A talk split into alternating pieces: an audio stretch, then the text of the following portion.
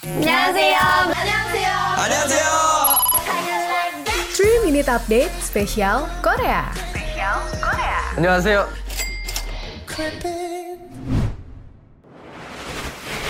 Sobat Medio, kamu penggemar kisah di balik layar investigasi program Aiman Kompas TV? Penasaran dengan kehidupan Aiman Wicaksono di luar televisi? Simak podcast Aiman Wicaksono, eksklusif dan belum pernah disampaikan olehnya di program Aiman Kompas TV.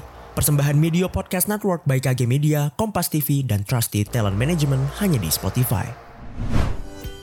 Sobat Medio, ada kabar dari Kompas.com. Leader BTS, RM bilang dia berencana untuk membuka pameran kecil tempat dia akan menampilkan koleksi seninya. Selasa 28 Juni, Art Basel merilis episode terbaru dari podcast Intersections, di mana mereka mengundang berbagai individu untuk berbicara tentang seni. RM terkenal dengan kecintaannya pada seni, karena ia sering terlihat di berbagai museum dan galeri seni, serta memamerkan koleksi pribadinya di media sosial. Selama podcast ini, RM berbagi tentang karya seni pertama yang dia beli, juga tentang rencana masa depannya. Dia sebenarnya berencana untuk membuka pameran kecil untuk dapat menampilkan koleksi pribadinya.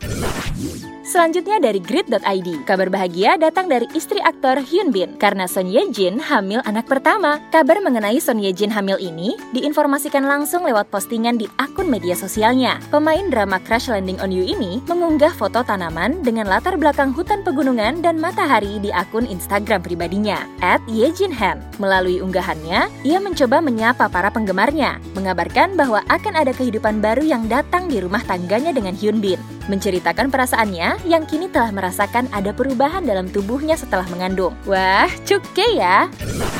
Terakhir nih, dari Kompas.com, aktor Nam Joo Hyuk kembali dituduh melakukan kekerasan di sekolah. Agensi Nam Joo Hyuk telah membantah tuduhan baru tersebut. Minggu lalu, ada seseorang mengaku sebagai korban telah diganggu sama Nam Joo Hyuk selama hari-hari sekolah mereka. Sang korban disebut sebagai B ini memberikan wawancara ke beberapa outlet berita tentang pengalamannya mengalami kekerasan yang diduga dilakukan oleh Nam Joo Hyuk. Pada 20 Juni 2022, agensi Nam Joo Hyuk pada hari yang sama, SOOP Management secara resmi langsung membantah tuduhan baru yang dibuat oleh B. Semoga masalah ini cepat terungkap dan cepat selesai ya. Demikian 3 Minute Update spesial Korea hari ini. Saya Nadia Almira Sagita pamit. Jangan lupa dengarkan update terbaru lainnya.